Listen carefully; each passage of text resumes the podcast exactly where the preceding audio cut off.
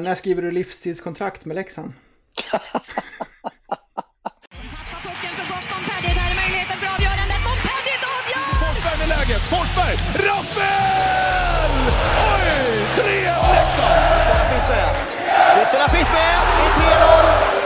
Leksand briljerar. Nu är det lugnt. Ja, hur, eh, hur mår du? Hur är läget? Det är bra. Det är bra. Det är full fart är det. Dagarna går fort. Det kan jag tänka mig. Ja, så att... Nej, men det är lugnt. Det är det. Gött. Jag har suttit här på en timme och skrivit ihop några frågor om hela truppen. Så det har glött Ja. i, i fingrarna. Jag förstår det. Det är lugnt. Ja, det vart ju lite så här fast jag...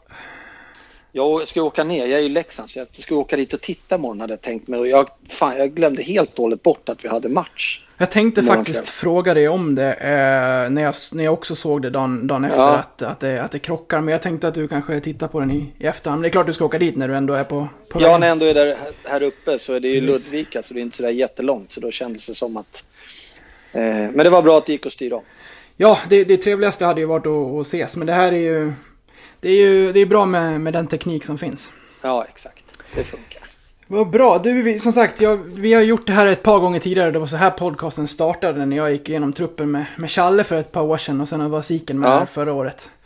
Ja, Så det du egentligen ska få göra är att, att prata om eh, bit för bit här under den här truppen. Men jag har några inledande frågor annars. Bara det, ja, konstaterande att det är två veckor kvar, lite drygt här till, till, till premiär. Hur märks det på ditt bord och rent medialt? Jag har, eh, som många andra lektioner, tagit in allt du har varit med i. Det har blivit en del poddar och annan media du har fått styra upp.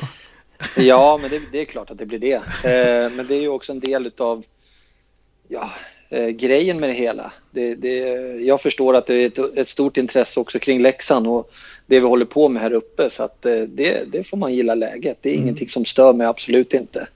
Eh, så att, eh, samtidigt som det är positivt för föreningen att det är många som är intresserade. Mm. Är det någonting man får prata liksom, in- inom, inom hela föreningen, att, att media är viktigt? Eh, hur jobbar man med sånt liksom? Ja, men det är väl självklart att media är jätteviktigt. Eh, dels är är att också få ut information och, och, och sånt till, till folk men också sprida liksom lite de tankarna som vi tänker på för det blir ju någonstans ändå en, en, en resa som vi ska göra i, i Leksands IF och, och förhoppningsvis ska det bli en rolig resa. Men det, det är bra om folk också känner till lite grann vad vi, vad vi håller på med och förhoppningsvis gillar det vi håller på med så, så blir liksom livet enklare för alla för det, det är ju trots allt, det går ju ut på att sälja biljetter också. Hur, hur är känslan i, stan då? Ja, jag har inte varit ute så mycket på stan, men jag tycker att rent generellt så har det väl egentligen ända sedan vi, vi i våras där lyckades med det vi gjorde då så har det varit extremt positivt kring Leksand. Ibland har man nästan blivit lite så här oj, vad, nu känns det som att folk har blåst upp förväntningarna och enormt mycket på, på, på den här säsongen som kommer. Så att, eh, det har väl varit min känsla att förväntningarna har varit väldigt höga under då den här värvningsdelen som vi haft under, ja, dels ifrån att vi tog klivet upp till SHL men sen hela vägen in under sommaren och till där vi står idag. Eh, så det är väl den, den spontana känslan jag har. Hur känns det annars att prata vi om, om Leksands IF och sådär och vara en del av allt det som, som före- föreningen kommer med? Ja, men jag tycker Leksands IF är ju en, en fantastisk förening med ett eh, extremt stort eh, stöd runt om i, i hela Hockeysverige. Eh, och också ett, ett väldigt positivt varumärke eh, kring just eh, ishockeyn. Så att eh, nej, men jag, jag känner mig stolt och hedrad över att få vara en del på den här förhoppningsvis bra resan som, som vi ska göra framåt. Får du, får du ta in någonting av det? För jag, jag pratar mycket med läxingar och sådär i, i, ja, men i, i sociala medier och annat och bland vänner och sådär. Får du ta in hur, hur, hur liksom på den ändå korta tiden, hur uppskattad du har varit i föreningen under den tiden du har, du har varit här nu? Ja, alltså jag, ofta jag följer ju inte så där liksom mycket forum och sådana saker. Jag brukar inte eh, så. Sen får jag väl en del positiva kommentarer på Twitter och, och sådana saker och där är det ju en otrolig kärlek utifrån eh, ja, den resan som man har fått vara med på och det som vi då försöker bygga och implementera. Så, så på så sätt så känns det som att, att än så länge så så, så känner jag mig väldigt uppskattad. Men samtidigt vet jag, den här branschen är, ju, det kan ju vara två, tre veckor och åt fel håll så är man ju inte vattenvärd längre och inte trovärdig i det. Så att man får väl passa på att slicka i sig medan folk tycker att det man håller på med är bra. Vi ska som sagt gå igenom truppen, men jag måste ändå fråga hur, hur roligt är det att, att bygga sitt eget ja, men hockeylag? Eh, ja, men när jag när jag jobbade i Djurgården så var ju det inte det här riktigt mitt ansvarsområde även om jag var ett stöd till Jocke Eriksson där utifrån när vi bollade med spelare och tittade på spelare och såna här saker. Men jag var ju liksom inte kanske inne i och, och hade tankarna så hur laget skulle se ut utan det var ju mer Jockes ansvarsområde. Men jag, jag, måste säga, jag vet att jag sa det till min fru också för hon, hon såg på mig att jag var väldigt, liksom, eller att jag trivs med mitt jobb, att jag är väldigt glad. Så hon sa det att det, det är rätt roligt det här va, att bygga en, ett lag och få göra det på ditt sätt. Ja, så det, det känns rätt kul faktiskt. Gör det. Eh, men, men man måste också vara ödmjuk inför det och, och, och, samtidigt också både känna en stolthet och tycka att det är kul men också en stor ödmjukhet för att det är ändå liksom rätt mycket på spel hela tiden när man gör de här sakerna.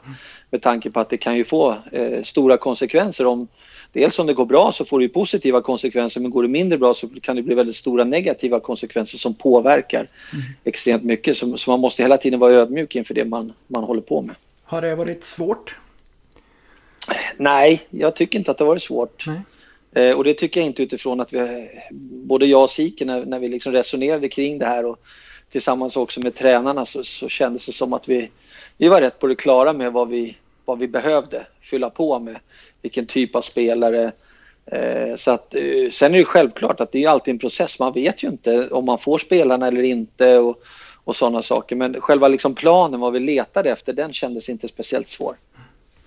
Några, några frågor har jag innan vi ska gå in på, på, på, på själva truppen här. NHL-pengarna som Leksand fick av Alsing och Bemström. Eh, ja. Rättar man om jag har fel med 3 miljoner någonstans va? Ja, ungefär. Eh, vart hamnar de pengarna i en förening och är det mycket eller är det lite? Hur...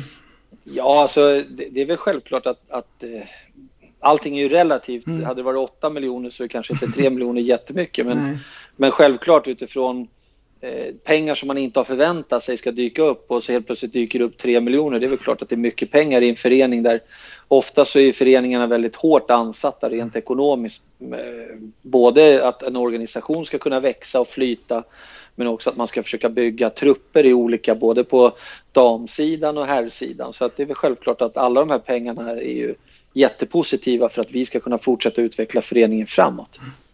Om man kollar på, på truppen så finns det nio högerfattade spelare i truppen. Eh, där mm. är Leksand eh, högt i, i SHL. Är det en, någonting som du tar med i beräkningarna eller blir det mer att man tittar på det mot slutet när man kanske har för få, av, av oftast högerfattade då?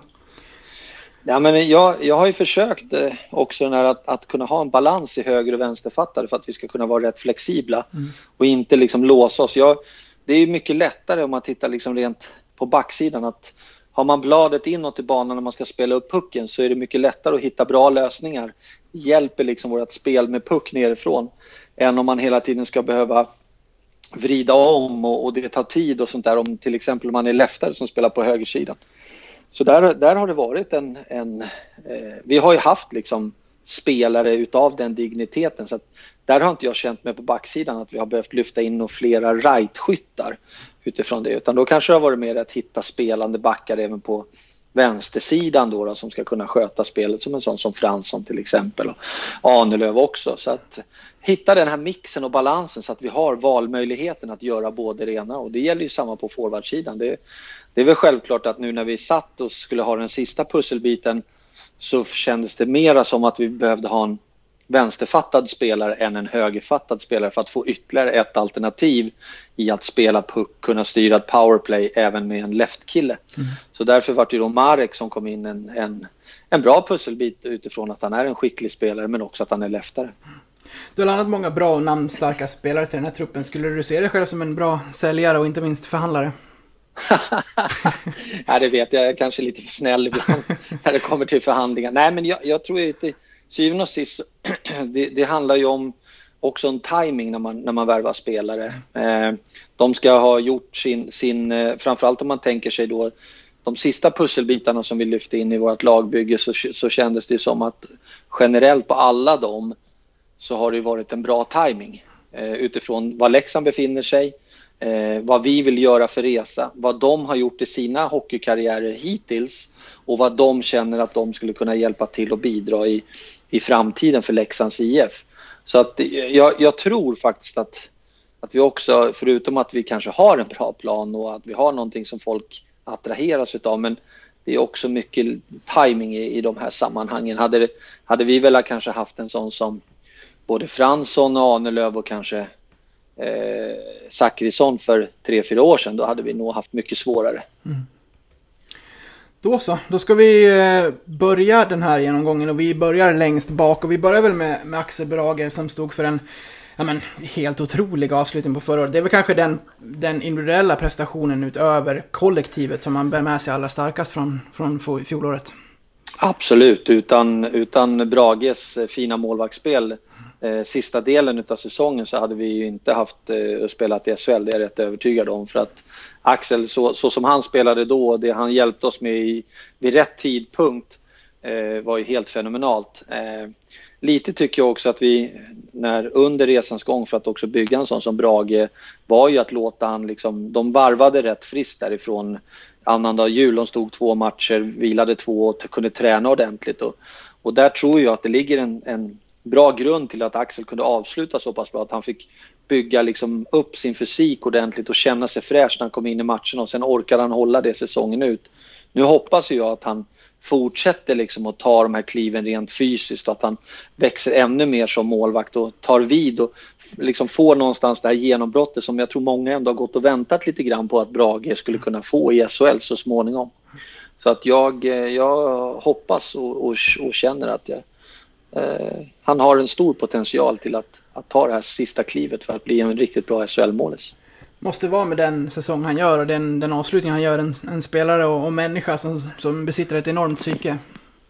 Ja, målvakter är ju liksom, man brukar säga målvakter är lite udda figurer men det är väl självklart att utifrån, han var ju rätt hårt ansatt och är rätt hårt kritiserad från olika eh, folk här runt i Leksand och, och, lite sånt där nu under hösten och, och jag tror inte heller att han var speciellt nöjd med sitt målvaktsspel men, men att då någonstans ändå göra en omstart, mentalt klara av det och komma ur den här som en, som en otroligt viktig kugge för att vi skulle kunna ta platsen i SHL. Det, det, det är otroligt starkt gjort.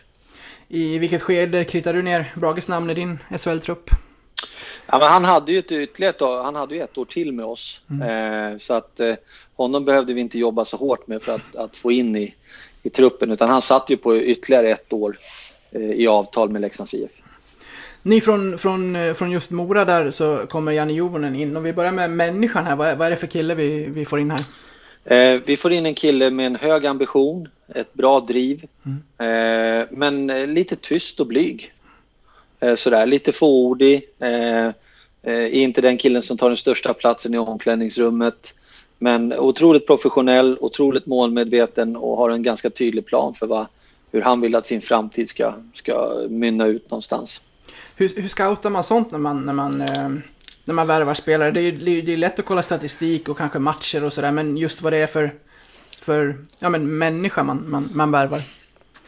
Ja, det, det handlar om att prata med, med dels med ledare som har haft honom eh, och, och, haft med honom att göra utifrån då kanske både situationer i ett omklädningsrum utanför omklädningsrummet men också på banan, hur de reagerar, hur de tänker och sånt där. Så att eh, mycket kontakter helt enkelt är väl en, en viktig del i att få tag i personen Janne Juvonen. Eh, för det är oftast det att man kan se på honom att han har potential utifrån hur de spelar, statistik och alla sådana här saker. Men, men sen ska de också funka i en miljö, i, i en grupp tillsammans med andra och, och på så sätt också vara en del av laget som hjälper laget till framgång. Det, det, det är inte så alltid så lätt att hitta liksom, och kunna se in i bakom själva skalet eller lyfta på locket och titta in i skallen på dem. Hur, hur tänker de? Hur funderar de? Så att det är oftast den svåraste delen tycker jag när det gäller eh, scouta spelare. Fanns det snälla kontakter i Morastaben här som hade kunnat prata gott om honom? Ja, jag ska inte avslöja var vi, var vi hittade all information, men, men det fanns snälla personer i Mora, ja. Eh, om vi kollar på, på målvakten då. Vi fick ju se han lite i, i, kvalet och de som har kollat på SHL här har ju, har ju fått se honom eh, i, i Mora under säsongen som var, där han verkligen mm. imponerade. Ja, han, han, eh, han kom in i Mora i eh, november och, och visade ju direkt att han, att han var riktigt duktig och på så sätt också, Mora hade ju en rätt bra period där. Mm. Eh, om det var någonstans ifrån december och framåt och där han var en extremt stor del till att de ändå lyckades vinna så mycket matcher och spela så pass bra som de gjorde. Så att eh, eh mycket också utifrån då när vi har både pratat med Jonas Levén, våran målvaktstränare, men även andra som har följt SHL väldigt nära. Så, så har vi också då liksom fått fram den här bilden av att vi, vi har en, en målvakt med en stor potential som ligger liksom och och bara ska fortsätta få utvecklas i den utveckling som han började uppe i, i Mora. Det är väl lite det som vi hoppas på. Som helhet och par här, hur ser du på, på målvakterna? Eh, jag tycker att det är ett bra målvaktspar utifrån att vi har, vi har två målvakter som kommer tävla om platsen. Eh, jag tyckte också att det kändes bra gentemot Brage att, att han också verkligen får känna att han, han har en möjlighet att, att, att verkligen ta en första spadeplats i, i Leksands IF. Så att jag tror att det kommer bli ett rätt jämnt matchande. Jag tror att det kommer bli en bra utvecklingsresa för båda målvakterna. Jag hoppas också att de tar de här kliven som, som vi hoppas och tror eh, att, att de ska göra. Men, men, men jag känner mig otroligt eh, nöjd med det målvaktsparet vi har. Det är förstås en annan position än en utespelare som skiljer sig dina tankar och ditt sätt att arbeta när det kommer till att värva målvakter kontra utespelare. Ja, när du, när, när, när du värvar målvakter så är det lite annan typ av statistik du mm. behöver titta på. Du behöver ju se och sen behöver du ju ha någon som, som kan målvakter. Därför är det ju skönt att man kan lägga allt ansvar på målvaktstränaren när det gäller de här delarna. För det är ändå de som ser målvakter. Jag är ju gammal liksom utespelare själv. Jag kan ju se en, en kille om han är bra på skridskor och bra blick för spelet och sånt där. Men just rörelsemönstret och schemat för målvakterna, hur de jobbar, vad finns det för potential, vad, vad gör de bra, vad gör de mindre bra, vad kan vi utveckla och sådana här saker. Där, där är det ju skönt att det finns ett par ögon i en sån som Jonas Levén som, som kan, kan se de sakerna utifrån hans erfarenheter kring målvakter. Så att när det kommer till de här värvningarna på målvakter så, så, så får man också ha stor tilltro till målvaktstränarna. Ja, Löfven har ju varit länge i, i, föreningen och han förlängde väl också sitt avtal här nyligen. Mm. Mm. Hur, en, ja, men en, inte minst så viktig pusselbit också det och, och skriva till sig. Absolut. Eh, Jonas är ju också, förutom att han är en väldigt ambitiös och duktig målvaktstränare, så är han ju också en, en härlig person att ha i ett omklädningsrum, alltså i gruppen. Sprider otroligt mycket glädje, positiv, alltid glad, finns liksom inga ledsamheter. Så att eh, både att han är en, en eh, erfaren och duktig målvaktstränare men också en fantastisk människa. Det är ett par målvakter som bara inom storstadsläget stått 30 respektive 28 matcher i SHL. Finns det någonting i den i bristen på SHL-rutin? Ja, men det är väl klart att det gör det. Mm. Eh, det, är ju inte, det är ju inte två killar som har, har spelat på SHL-nivå i, i tio år sådär och man, man, vet. Men jag vet ju också resan som Adam Reideborn hade med oss i Djurgården till exempel. Kom som ganska bespottad spelare in till Djurgården. Ingen trodde på honom och, sådär och gjorde en fantastisk resa. Jag ser inga, ingenting varför inte våra målvakter också skulle kunna ha den utvecklingen och få göra den resan. Sen är ju Janne fortfarande väldigt ung för att vara mm. målvakt. Han är ju 24 år så att det innebär att det finns ju rätt mycket utvecklingspotential kvar i den här killen att jobba med. Eh, så, att, eh, så det ska ju bli extremt spännande. Och så har vi Brage då som är 30 och lite mer erfaren och, och, kanske trygg utifrån det perspektivet och har kommit lite längre i, i, sitt liv och ska väl härifrån och framåt också vara en, en riktigt bra målis. Han är ju lite i sin prime time nu när det gäller att spela så att Nej, jag ty tycker målvaktsparet utifrån det en med stor utvecklingspotential, en som någonstans också ska utvecklas lite till och ta det här sista steget men har ändå åldern och erfarenheten så, så det känns bra det är lite speciellt kring målvakter just det, det att man, man, man har ju två starka som man har i sitt eh, i sitt A-lag och gud förbjude om en går sönder. Hur tänker man där? Kopplar man upp från J20 eller går man ut för att... Alltså klarar man sig på en stark målvakt eller kollar man på marknaden då? Det, det beror ju alldeles på vad det blir för typ av eh, skada i sådana mm. fall. Eh, självklart är det en förkylning och lite ont i halsen Nej. så överlever man ju liksom med, en, med, med J20-målvakten och, och, och, även om de också skulle stå några matcher. Men är det ett korsband som går och det är sex månader bort så är det självklart att man behöver titta på hur man stärker upp den positionen. Mm. Eh, så att det gäller ju hela tiden att, att, att någonstans också ha lite koll på marknaden om det skulle bli lite snabba puckar med vad gör vi då, vilken väg tar vi?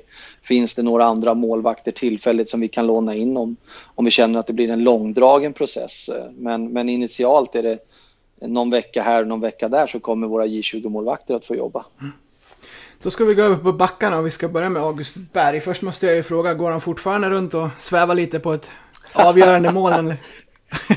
Ja, han får nog landa ner där nu för nu är det liksom SHL-läge eh, på det här. Nej, men August är ju en, en back som, som eh, har ett eh, jättefint spelsinne. Eh, lite tunn fysiskt fortfarande men, men liksom håller på att jobba upp de fysiska delarna. Eh, så att eh, jag tror och, och, och, känner att får August lite rätt re, resa i det här så kommer han att bli en riktigt, riktigt eh, toppback in i, i SHL så småningom. Eh, men han behöver ha lite tid. Han, han, är ung. De kan ibland spela lite naivt när de spelar med pucken och, och sådär och, och, behöver liksom få, få lite tid på sig att växa in i den här kostymen. Så att, eh, en otroligt spännande spelare. Det ska bli intressant att följa honom framåt. Tycker han har sett eh, rapp och sugen ut här på försäsongen, det lilla som har varit. Ja, men han är ju väldigt eh, kvick i sina äh, rörelser och kvick i sina aktioner och sånt där. Men vi måste också ha respekt för att vi kliver upp ett par nivåer ifrån Hockeyallsvenskan och det går lite fortare, spelarna är lite bättre, du har lite mindre tid och sådär. Då måste man också vara ödmjuk inför det och ge de här killarna möjlighet att få, få fortsätta utvecklas i sitt spel men ändå liksom inte att det får bli lite för mycket juniorhockey över det hela heller för att det kommer straffa oss. Att, eh, att de får erfarenhet, att de får, med unga backarna och August i det här fallet, då, får, får liksom någonstans också lära sig bedömningsspelet i, i SHL. Det, det kommer ta lite tid men jag är övertygad om att August kommer att fixa det. När vi tar dem i, i, ehm, i nummerordning här så kommer vi till Kalle Schelin, den stora talangen som, som man liksom håller sin tumme blå för att han får hålla sig hel nu. Ja, eh, det gör ju vi också. Kalle är ju en, en otroligt duktig tvåvägsback som, som både kan spela det defensiva spelet och det offensiva spelet. Så att jag hoppas och tror att, att får Kalle vara frisk så, så kommer han att hjälpa oss jättemycket i, eh, under säsongen som kommer med, med sin pondus i, spel, med, i sitt spel och, och framförallt då med den här att det, att det finns liksom både och i honom. Det är kanske ingen super, super offensiv spelare, det är ingen super, super defensiv spelare utan han besitter båda eh, strängarna på sin lyra och, och det, det känns jättebra. Eh, men det, för hans fall handlar det ju väldigt mycket om att han också får vara fräsch och få träna och spela en hel säsong. Mm. Hur tror du att han kan ta det här? Det är ändå ett eller ett par snäpp upp nu till, till SHL. Ja, men jag tror precis som med August där att man måste ge, ha lite tålamod med de här killarna och, och, ge dem lite tid och möjlighet. Och det har väl varit också en del i, liksom i själva liksom tänke, tänket kring våran backsida att vi måste bygga en liten tryggare ram runt omkring våra unga backar genom att vi får in lite rutin och erfarenhet och sådana som kan hålla uppe nivån och så får de här killarna liksom finnas med och någonstans ha lite sin resa och så får man ju liksom se lite hur det går för dem. Eh, men, men att vi ska hänga ut dem i en het luften och att det är de som ska vara, liksom, stå i frontlinjen för, för Leksands IF, det, det kändes inte, inte rätt varken mot dem eller mot, mot föreningen. Så att jag tycker att eh, den ramen vi har byggt runt dem ger, ger dem förutsättningar att fortsätta utvecklas i sin takt. Hur, hur bygger du, om du får bygga dina backpar? Är det en rutinerad och en eh, eh, yngre back då som spelar ihop? Eller bygger man dem efter en... Ja men efter att man liksom skalar neråt så att säga, om du förstår vad jag menar, i, i de rutinerade pjäserna ihop för att göra det så stabilt som möjligt?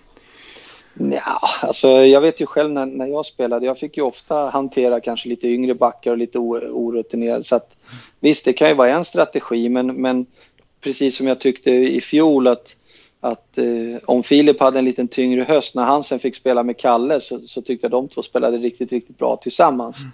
Så att det, och precis som Kolan och, och, och, Gunnarsson spelade också extremt bra tillsammans. Så att det är liksom lite sådär hur man trivs ihop, hur man tycker att det stämmer. Eh, sen om du är, är 20 och den andra är 35, det, det tycker jag spelar lite mindre roll. Mm. Utan det handlar om att hitta den här mixen och kemin emellan så där de två känner sig trygga med varann. Där de två också indirekt kan ställa krav på varann och samtidigt också lita på varann. Så att eh, ung som gammal eller gammal gammal eller ung ung känns inte som att det spelar så stor roll. Nej men precis, det kan ju lika gärna vara den, den äldre som är den offensiva av dem liksom. Ja, absolut. Mm. Det, det behöver ju inte vara hugget i sten om vem som tar det utan jag tycker att det är mer mer viktigt att man hittar liksom ett par som trivs tillsammans och är trygga med varann. Och I fjol så gjorde vi det där vi hade då Kalle och Filip som spelade ihop tills Kalle vart skadad och då hade vi Kolan och, och, och Gunnarsson som, och de liksom trivdes väldigt bra ihop de backparen och spelade då också väldigt bra. Lukas Nordsäter, eh, om mitt öga har sett rätt här så känns han som att han var rätt offensiv här på försäsongen. ja, ja men, eh, Lu Lukas är ju en, en kanske mera defensivt utpräglad back men samtidigt också tycker jag att det är bra. Vi har ju anammat ett sätt där vi vill spela pucken väldigt mycket och då är det viktigt att Lukas också utvecklar den delen så att han faktiskt kan vara en spelare som sätter igång spelet nerifrån. Eh, behöver inte hitta den här flippassen från eget bakom mål på bortre blå utan mer liksom se till att pucken kommer igång, anfallet sätts igång. Men mina krav på honom är ju mer att han är den här starka defensiva pjäsen som kommer ut i sarghörnorna, får stopp där, se till att vara den här lite elaka, tuffa backen. Det ska vara tufft att komma in på mål när Lukas Nordsäter är på isen. Så det är väl lite de kraven jag har på honom och det tycker jag faktiskt att han han, liksom visar upp det. Jag tyckte han visade upp det förra året i slutet på serien och jag tycker att han också nu visar upp det i, i inledningsvis på de här träningsmatcherna som vi har haft. Tycker mig sett mig honom stå framför kassen offensivt i powerplay. Finns det en ny strategi för, för Lukas? Nej, jag, powerplay hittills har varit väldigt mycket att vi har spelat runt på folk så att de, man ska liksom man ska få känna på powerplay, man ska få spela powerplay och, och lite sånt där och, och därför har det inte funnits liksom några, några utpräglade powerplay femmor. Jag tror att härifrån och framåt så kommer vi nog få se lite mer utav den varan. Vi går vidare så kommer vi till, till Filip Johansson. Jag vet inte om du håller med, men mitt eh, lilla hockeyöga önskar en stark sommar i gymmet för, för Filip inför SHL här. Och farten och tekniken vet vi ju sedan tidigare att han, att han besitter. Ja, sen, sen jag tycker också Filip har varit väldigt stabil i de här matcherna som vi har spelat. Han, mm. han, eh, eh, han är ju också kanske en, en mera utpräglad tvåvägsback sådär. Eh, med kanske mera lite övervikt åt det defensiva hållet. Eh, men Filip är ju väldigt rörlig eh, på sina skridskor. Han är bra att spela pucken eh, och ska fortsätta utveckla liksom de delarna i sitt spel. Sen tror jag att Filip förra året det är rätt lätt att man, han kommer upp året innan, allting blir bara gull i gull och det är bara bra och allt är succé och, mm. och han själv spänner nog, jag tror att spänner nog bågen rätt högt själv efter då den första säsongen han var uppe i Leksands A-lag till förra säsongen.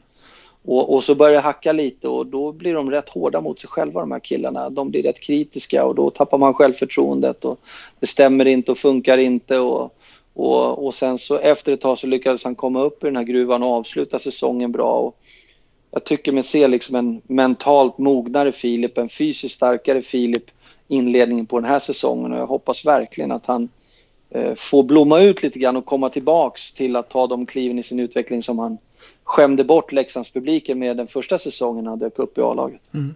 jag håller med, det ska bli spännande att följa Filip under, under mm. vintern här. Eh, en spelare som har desto mer eh, rutin på, på sitt CV, det är Johan Fransson. Han kom ju in med hela 466 SHL-matcher och där stannade jag vid min, eh, vid min, vid min lilla right på honom där. Det här är ju en, eh, ja, men en, en bra pjäs vi, du har lyckats knyta till dig. Ja, eh, och det var väl lite då utifrån de pusselbitarna vi tittade på så, så är Johan en av dem som står för det här som vi tycker att vi behövde med internationell erfarenhet, landslagsspel inom eh, rimlig tid och, eh, och eh, rutin ifrån SHL. samtidigt som han är ju också en, en kanske mera en väldigt skridskostark back som är rörlig på skridskorna men också duktig att spela pucken och, och kan bidra i ett powerplay.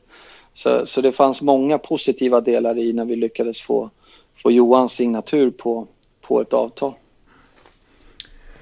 Ja, det, det, är ju en av, eh, av flera spelare som man, där man känner att eh, det kan gå fort i hockey. Runt, eh, runt jul var det, var det kämpigt i Hockeyallsvenskan och nu ska vi spela SHL med Johan Fransson i, i backuppsättningen. Det, ja.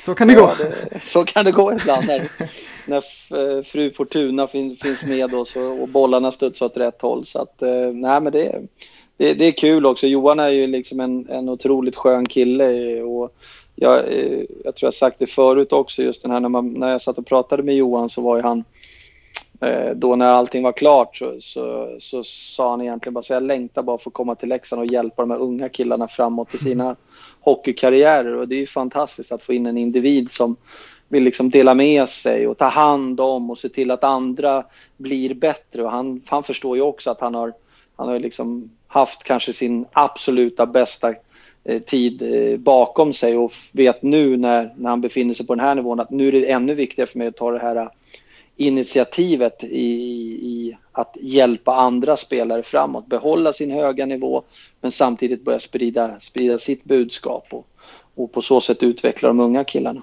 Ja, när vi pratade om, om dem tidigare här som du säger, det finns ju verkligen eh, mer rutinerade backar i den här truppen att ta efter och lära sig av.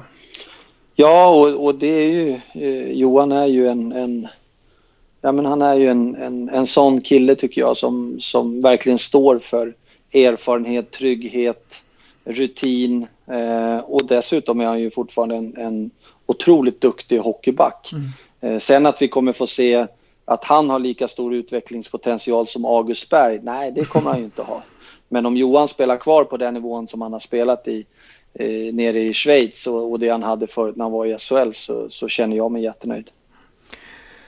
Nummer 16, Daniel Gunnarsson, kom hem till Leksand och fick göra den här eh, resan. Den är ju, den är ju fin i sig. Vad säger du om hans eh, fjolår till att börja med? Ja, han... han eh, eh jag tror precis som, som hela Leksand så kämpade nog Gunnar på, på hösten med både med självförtroendet och spelet lite upp och ner och sådär. Men jag tycker ändå att han, han lyckades hålla uppe sin nivå rätt högt i många matcher. Jag gillade från, från dag ett egentligen Gunnarsson när jag kom in hur han spelade, hur han rörde sig. Jag gillar hans skott. Jag tycker att han skjuter alldeles för lite. Men, men eh, nej, det finns mycket positivt med, med, med Gunnarsson. Eh, avslutade säsongen fantastiskt bra, mm. eh, tycker jag. Eh, hoppas att han någonstans också kliver ju precis in kanske i sin, sin bästa ålder, 27 år. Och jag hoppas att han liksom också kan kan fortsätta ta några steg till i sin, eh, sin eh, SHL-resa och på så sätt också bli en, en toppback i SHL. Så att eh, det finns fortfarande en, lite att krama ur Daniel Gunnarsson tycker jag. Det är svårt att inte gilla spelare som ser ut som att de svävar när de åker skridskor. Nej, man önskar ibland själv att det, det såg ju mer ut som man hade tuggum under grillorna medan de här killarna är ju lite mer att de flyter lite ovanpå. Det är Fransson är ju lite likadan. De är ju också väldigt rörliga på skridskorna och rör sig bra trots att de är ganska stora. Det här, jag vet inte hur mycket, du, hur mycket du tänker och pratar i siffror och så här, men om vi rent generellt så det här är ju en spelare som vi kan eh, ha en del poängtankar om i alla fall. Ja, det tycker jag. Mm. Eh, definitivt. Han har ju ett otroligt fint skott och ska ju skjuta ännu mer. Eh, och det i sin tur kommer ju leda till kanske egna mål men framförallt också att det händer situationer efter. Mm. Så att jag, jag hoppas att han kommer bomba på hårt eh, i, i vinter och våga följa med upp i anfallen, bli den här fjärde spelaren som kommer in som ett jättehot in i offensiv zon. Så att nej, jag, jag, jag, hoppas och tror att han kommer ha en bra säsong. Kolan kommer vi till härnäst först och främst. Hur, hur är mm. det med honom? Vad man förstår så är det inte allt för långt bort ändå. Det är ja, men det, går, det går som det ska. Ja, det går mm. som det ska och, och, kanske till och med lite fortare än vad, det, vad vi trodde från första början. Så mm. att eh, Kolan tycker jag har, har, haft en, trots att han har haft sin axelskada så har han haft en otroligt bra träningssommar. Även om du liksom opererar axeln och behöver vara still i början så kan, är det mycket du kan göra. Så jag tycker inte att han har tappat speciellt mycket av den fysiska delen utifrån att han, eh, att han ändå kunde hålla igång både hjärta och lungor. Och, när de kommer upp i den åldern som, som kolan är så, så är det ju mera viktigt att de håller igång liksom vikt, hjärta, lungor och, mm. och liksom har en bra motor i, i, i, eh, i sin kropp eh, än att de ska bli jättemycket starkare i bänkpress eller jättemycket starkare i knäböj som de yngre killarna kanske behöver bygga. Eh, och det tycker jag känns bra med kolan för det, det känner jag att det har han klarat av under sommaren så att jag, jag hoppas att, att han snart är tillbaks och jag tror att vi får tillbaks en, en kille som, som både är sugen att spela och, och, och, och hjälpa Leksand men, men, eh, men också en, en, en kille som kommer komma tillbaks och, och kunna delta på en gång och inte behöver ha en månads startsträcka innan, innan han ska vara på banan. Vad, vad säger du om, om Kolan om vi pratar om honom som människa? Det här känns ju verkligen som en kille som är bra. En bra källa till, till energi i ett omklädningsrum. Ja, otroligt trygg i sig själv eh, lugn, Eh, också erfarenhet, eh, varit med länge, spelat utomlands, spelat i SHL. Eh, så att eh, det känns som att det är en rutinerad pjäs också som vi har i den här ramen kring våra unga killar. Eh, och också en, en, en kille som är, är bra i omklädningsrummet, positiv, glad eh, och precis lite som Johan Fransson bryr sig mycket om de yngre grabbarna. Mattias Göransson, kanske den spelare som Leksand har minst koll på då han har varit i USA ett, ett gäng år här. Hur, hur kom du i kontakt med honom och vad är det du, vad är det du gillar här? Ja, men jag hade ju Mattias redan när han, jag var ju mentor åt honom när han var eh, ung junior i Brynäs. Sen valde han ju att och flytta vidare till Nordamerika och göra sin resa där i juniorhockeyn och sedermera college. Mm. Eh, Mattias är ju en rätt stor kille. Kanske lite snäll för sin storlek. Han skulle kunna vara lite mer elak och tuff. Men jag tycker också att vi, vi, liksom ska ge, vi måste ge honom lite tid att anpassa sig. Han har varit tror det sex år där borta i, i Nordamerika och spelat på lite mindre rinkar. Och han behöver liksom få lite tid att akklimatisera sig. Han behöver eh, få igång sina fötter lite mer och bli lite kvickare i tanken och, och sådana här saker. Så att eh, honom behöver vi ge lite tid. Men jag tycker också att det finns en enorm potential i honom. Han är 24 år och på väg uppåt i sin hockeyresa och har precis avslutat den nordamerikanska delen, väljer att flytta hem till Sverige för att ta nästa steg i sin utveckling och förhoppningsvis kunna få flytta tillbaks till, till Nordamerika. Så att det finns mycket potential i Mattias, men jag tycker också att vi måste ge honom lite tid. Vilken del av banan känner han sig mest hemma i? Jag tror han är rätt hemma i båda ändarna av banan. Mm. Eh, jag tycker att han är han är också en liten sån här mera tvåvägsback utpräglad. Att han följer gärna med anfallen, han kan spela pucken. Lite som jag känner lite kanske kring eh, den här med att hans vikt ligger också kanske lite mer åt det defensiva hållet än det offensiva hållet. Men, men absolut att han, att han kan spela puck och bidra även i, i den änden om, om, om det är så att det krävs. Jonas Arnelöv sen har vi. Eh, en spelare som har fått dispens till ett nummer över 35. Är du knusslig kring sådant eller bryr du dig inte nämnvärt? Nej, jag bryr mig faktiskt inte nämnvärt om det.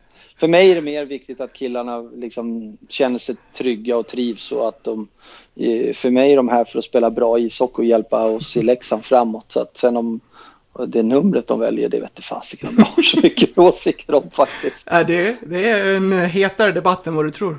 Alltså, ja, men med glimten ja. i ögat förstås. Ja, ja men absolut. Jag, jag kan tänka mig det. Och jag har väl hört någonstans att det funnits någon slags policy i, i det där. Men då har de väl två då, för Spencer har väl 77. Så att...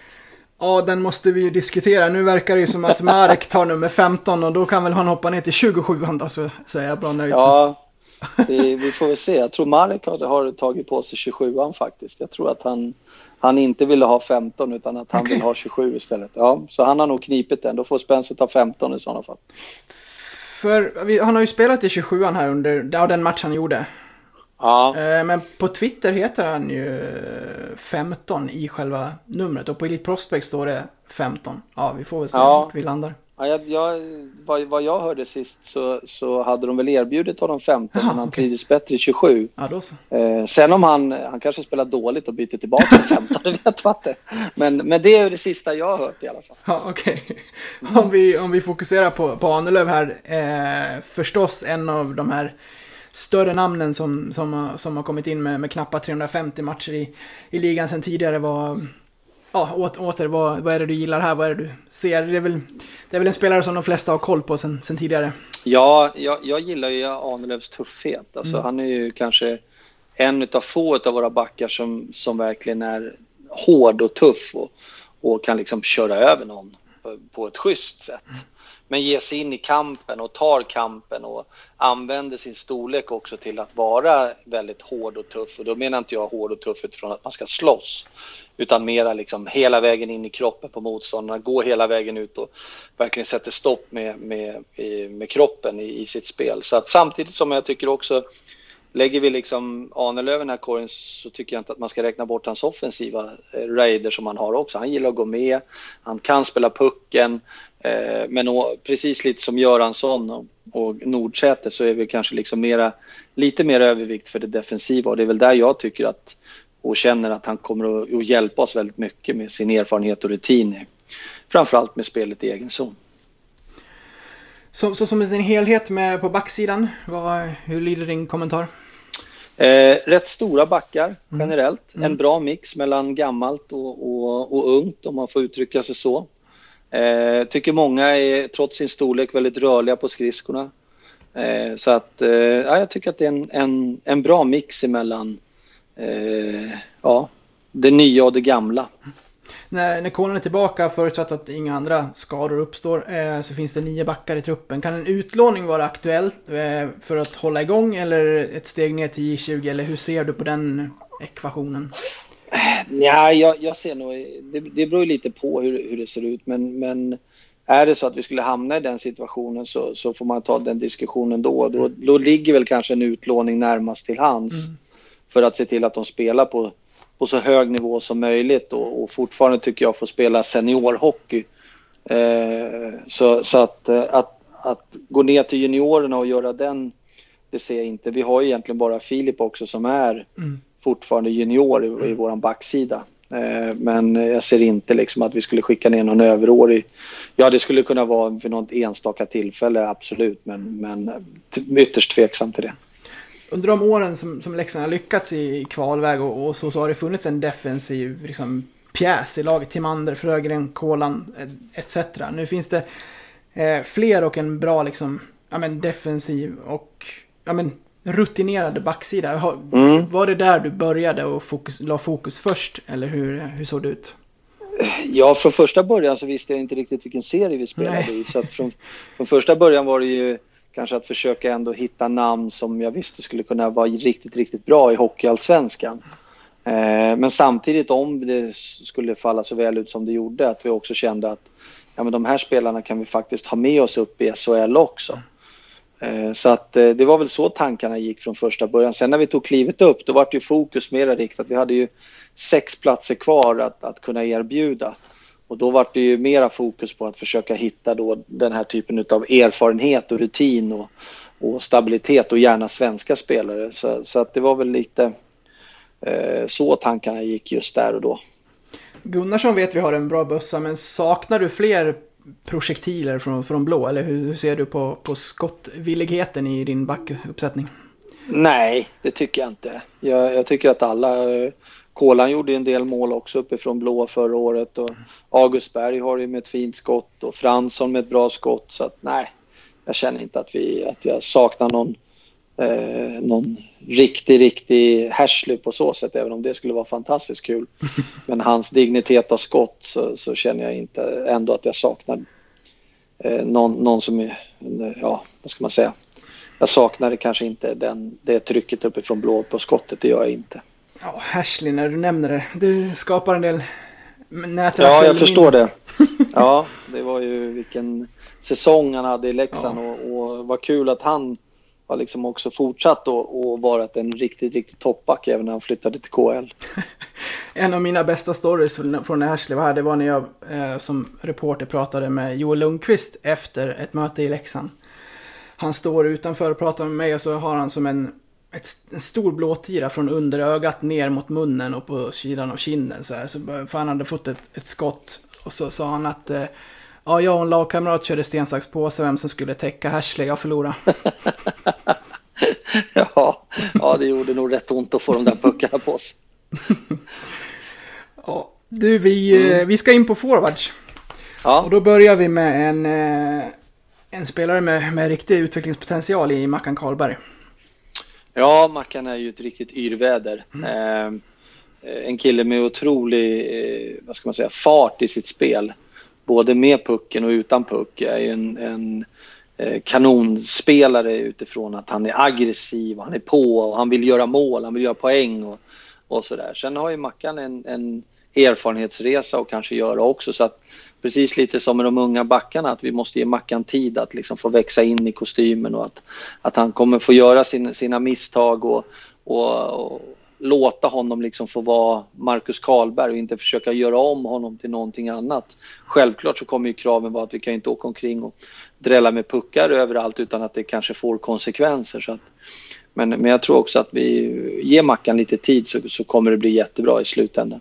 Det är ju en spelare som du säger som vill göra poäng och som, och som lyfts väldigt mycket av det och som har det som sin, som, som sitt mindset på isen. Hur, hur ska man tänka där? Ska man spela honom med, med de skickligare spelarna för att, för faktiskt sätta honom i lägen? Eller tror du att han kan få det även om han spelar i en, säg fjärde kedja?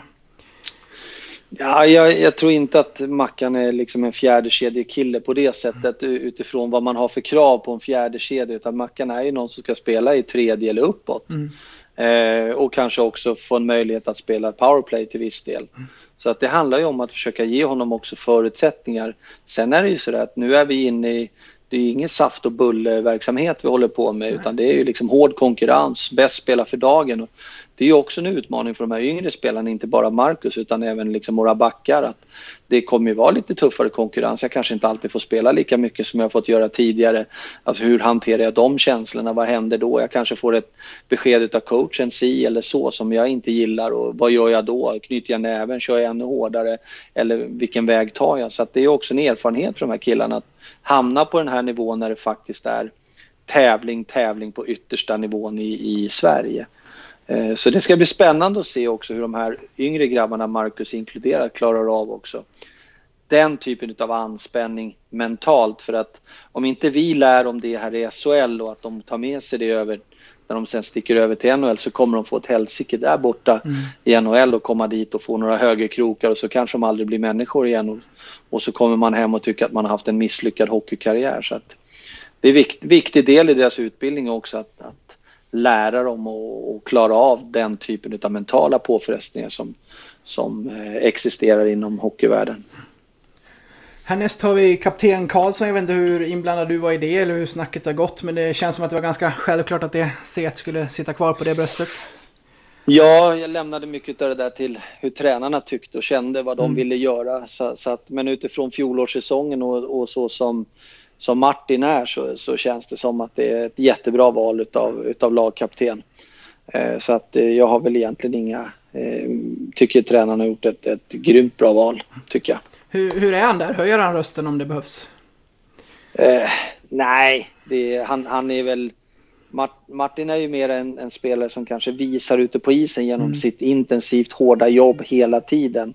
Och när, när du har en, en lagkapten som liksom kör mest i gymmet, som är liksom intensiv ute på isen och, och, verkligen sprider det budskapet att det är hårt jobb som gäller både på och utanför för isen så, så blir man varm i hjärtat. Eh, för det vet man smittar av sig på gruppen och det, det, vet man också kommer att höja andra spelare. Så att jag tycker Martin är ett jättebra val som lagkapten. Han gör sin nionde säsong om jag har räknat rätt här och har verkligen växt fram till en, till en ledare. Och vi har ju talat om backarna men det är ju minst lika viktigt kan jag tänka att ha sådana här bland sina forwards också. Ja, det är det ju definitivt. Och sen har ju Martin är ju också lite en Leksandsprofil sådär också. En liten kulturbärare i Leksand om man nu ska prata om sådana. Så att eh, jätteviktig för både föreningen, jätteviktig för laget. Eh, och, och, och ja, jag, jag, hoppas också då att Martin fortsätter att utvecklas liksom sin fart, sin intensitet och, och förflytta den några pinnhål uppåt. Då, då kommer han bli en riktigt jobbig spelare att ha i, jagandes efter sig under den här SHL-säsongen. Känns som att han eh, verkligen har utvecklat sitt poängspel. Ja, alltså han, han fick ju en roll förra året också lite i powerplay och var mm. lite framme vid målet. Och mm. Mål görs ju där framme, så att är man där så har man förutsättningar att kunna pilla in en hel del puckar. Och det gjorde Martin, så att mm. jag, jag, jag tycker att han både går i bräschen för det hårda jobbet men också gör poäng och förra året gjorde han rätt mycket viktiga poäng för oss. Så att, eh, det ska bli spännande att följa. Sen har vi nummer 12, Fredrik Forsberg. Lite komiskt i, i, i sig. Ja, Var... jag förstod nästan det när värvningen kom där. För jag tror att många andra hoppades på kanske en annan Fredrik Forsberg in i, in i det där. Jag gjorde en kvällstidning också. Ja. men om vi kollar på det här så det var ju tänkt till en, till en hockeysvensk trupp till en början. Men, du får rätta mig om jag har fel, men han, jag känns som att han kan bli en obehaglig överraskning för kommande SHL-motståndare. Ja, han, han, hans största styrkor, han har ju en, några riktiga sådana, han är ju sjukt snabb alltså. Mm. Eh, och sen så kan han ju bli, vara väldigt tuff. Eh, jag vet när jag hade honom i Djurgården så jag tror att hans första SHL-match, jag undrar om inte han hade så sju tacklingar i första perioden eller någonting sådant. han for som en häxpipa framöver. Och det är väl lite det jag hoppas också på att, att vi ska kunna plocka fram. Sen har han ett bra skott. Eh, Fredrik ska försöka komma till skott och skjuta mycket. Eh, men det kommer vara en tuff resa för honom han kommer från Hockeyallsvenskan, han är inte speciellt gammal. Eh, och, och, det är väl självklart att, att han kommer att få kämpa för och, och verkligen kriga på och ta fram sitt yttersta för att också vara kanske in i laget och få den här möjligheten att, att spela. Så att, men men jag, jag tror Fredrik är, är, väldigt inställd på att det är det hårda jobbet som kommer att ge honom framgång. Och, och det, det, känns, eh, det känns bra för då tycker jag då är han på rätt väg och någonstans också förstått kanske lite mera sin roll in i, i SHL. Att jo, men jag kommer kanske vara den här typen av spelare just här och nu och så får man fortsätta utvecklas. Han är, han är ju bara 20, 23 år så att han har ju liksom mycket kvar i, i sitt hockeyliv så att det mm. finns stor utvecklingspotential i honom. Lite, ja, men lite, lite, lite underskattad så, kan nog växa fram hos även hos supportrarna. Ja, det tror jag. Jag tror att han kommer bli, bli en, en kille som går hem och supportar utifrån hur han spelar och hans fart och hans intensitet och hans fysiska spel när, när, när han sätter den sidan till och sen ett extremt bra skott. Han är väldigt duktig i boxplay också med tanke på sin fart eh, hela tiden och kan skapa väldigt mycket farligheter på egen hand i, i den spelformen. Sen kommer vi till en kille som jag hoppas tar med sig eh, sin kvalhetta till, till eh, kommande säsong här och det är ju Jon Knuts. Han, han, eh, han brinner ju till så fort det är eh, de här kval... Eh. Inte ja. minst med mot Modo och mot Mora senast när han inleder med det här galna målet han gör i, i första mötet där. Ja, sen eh, min, mitt stora minne av Jon det är ju ändå trots allt den här bilden på tidningen honom när han står i sin hockeyutrustning i den här rondellen i Rättvik tror jag det är och, och kramar om någon supporter. Men, men Jon är ju också en, en av de här kulturbärarna precis, precis som Martin mm. och är ju en fantastisk kille och, och jobbar alltid hårt varje dag, kommer liksom, det är lite så här klyschigt uttryck men kommer alltid till jobbet. Men det gör Jon verkligen eh, och, och kör allt för Leksands IF. Så att, eh, och jag, han har ju ett fint skott, Jon. Han har stor arbetskapacitet. Skulle kunna bli ännu liksom hänsynslösare mot sig själv utifrån att han skulle kunna eh, ge sig in i, kanske lite mer i de fysiska situationerna för att ta det steget också i sin hockeyrepertoar. Men fortsätta eh, på den inslagna vägen där han hade förra året och fortsätta skjuta, fortsätta vara en jobbig spelare att spela mot och, och på så sätt också utveckla sig själv och sitt eget spel. Så att jag, jag hoppas och tror att, att Jon kommer ta och fortsätta ta de här kliven i sin utveckling. Han är också, kliver också in i den här åldern när, när utespelarna börjar och, och faktiskt komma in i sin bästa ålder. De har hunnit utvecklas fysiskt under en period, de har hunnit skaffa sig erfarenhet och rutin. Eh, så att eh, jag, jag, hoppas att Jon kommer att hålla en, en hög nivå hela säsongen. Då har vi kommit till Oskar Lang. Eh, en av de mm. kortare lirarna i ligan, men jag har samtidigt hört, i alla fall under tidigare säsongen, nu har ju nya spelare tillkommit och några har lämnat, men att han är en av de som lyfter tyngst i gymmet. Ja, han, han eh, det ser man ju på hans skridskoåkning, hur, hur, snabb och explosiv han är. Mm. Så att eh, hans, eh, hans, ja, hans mina två ben är väl kanske lika stora som hans ena då, om man uttrycker sig så. Eh, så att, eh, nej men, eh, jag har rätt höga förhoppningar på Oskar. Jag tycker att han, han inledde ju förra säsongen väldigt bra, eh, men sen eh, dök det upp det här ryktet med Örebro och jag tror att det där tog rätt hårt på honom och jag tyckte att han liksom eh, tappade lite av sitt spel, han tappade modet i sitt spel. Jag tror han tappade lite självförtroende rent, rent generellt. Eh, jag tycker inledningen på den här säsongen så har han varit jätteduktig. Mm. Han, han tar för sig, han driver, han, han är kvick i sitt spel, han har en fenomenal skridskoåkning, han bra spelsinne.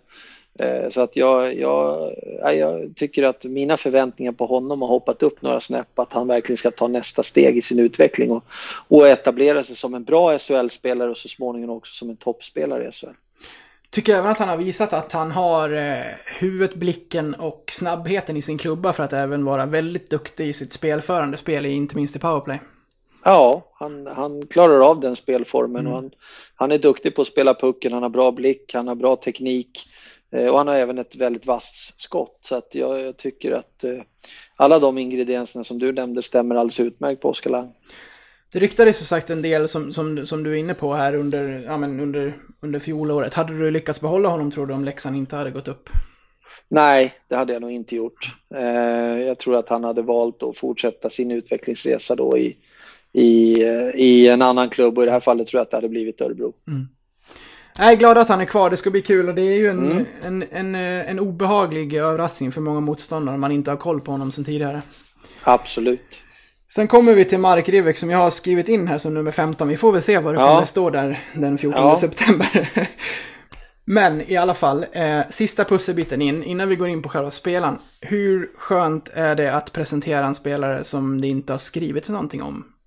För vad jag har sett så spekulerades det ingenting kring den här Slovaken innan. Nej, eh, det, det har det inte gjort. Eh, nej, men det, det är väl, det handlar ju inte kanske ibland om att man ska slå de som, som liksom jagar och letar efter vilka spelare vi är i kontakt med. Jag vet ju att det är inte alltid liksom eh, alla kan hålla tyst och ju fler som får reda på vilken spelare ju större möjligheten att det någonstans sipprar ut till någon och, och sådär. Så att, men, men eh, Marek gick ganska hårt under radarn, gjorde han, eh, tills han var klar. Så att, eh, eh, ja, lite fjäder i hatten också till, till organisationen att vi kunde hålla det för oss själva då, så länge. Mm, vad är det du har värvat här då? Ja, vad är det vi har värvat? Vi har värvat en, en eh, slovakisk kille som har varit över in, i Nordamerika. I, han flyttade över redan för tio år sedan eh, och började spela juniorhockey borta i Nordamerika. Hade ett riktigt bra första år som eh, men när han skulle draftas det året så, så hade han inget bra år och därför gick han aldrig Eh, där och då. Eh, men har sedan fortsatt sin resa i, i Nordamerika i, ja, men genom lite olika lag och, och framförallt spelat i, i AHL, några matcher i, i, i NHL. Men plockades sedan upp utav diverse klubbar och, och, och har tillhört Rangers organisation och Calgary Flames och, och lite sådär. Men en, en kille också som hade lite tuffare skadebekymmer. Dels sitt sista år i AHL och, och sitt, sitt år i KHL.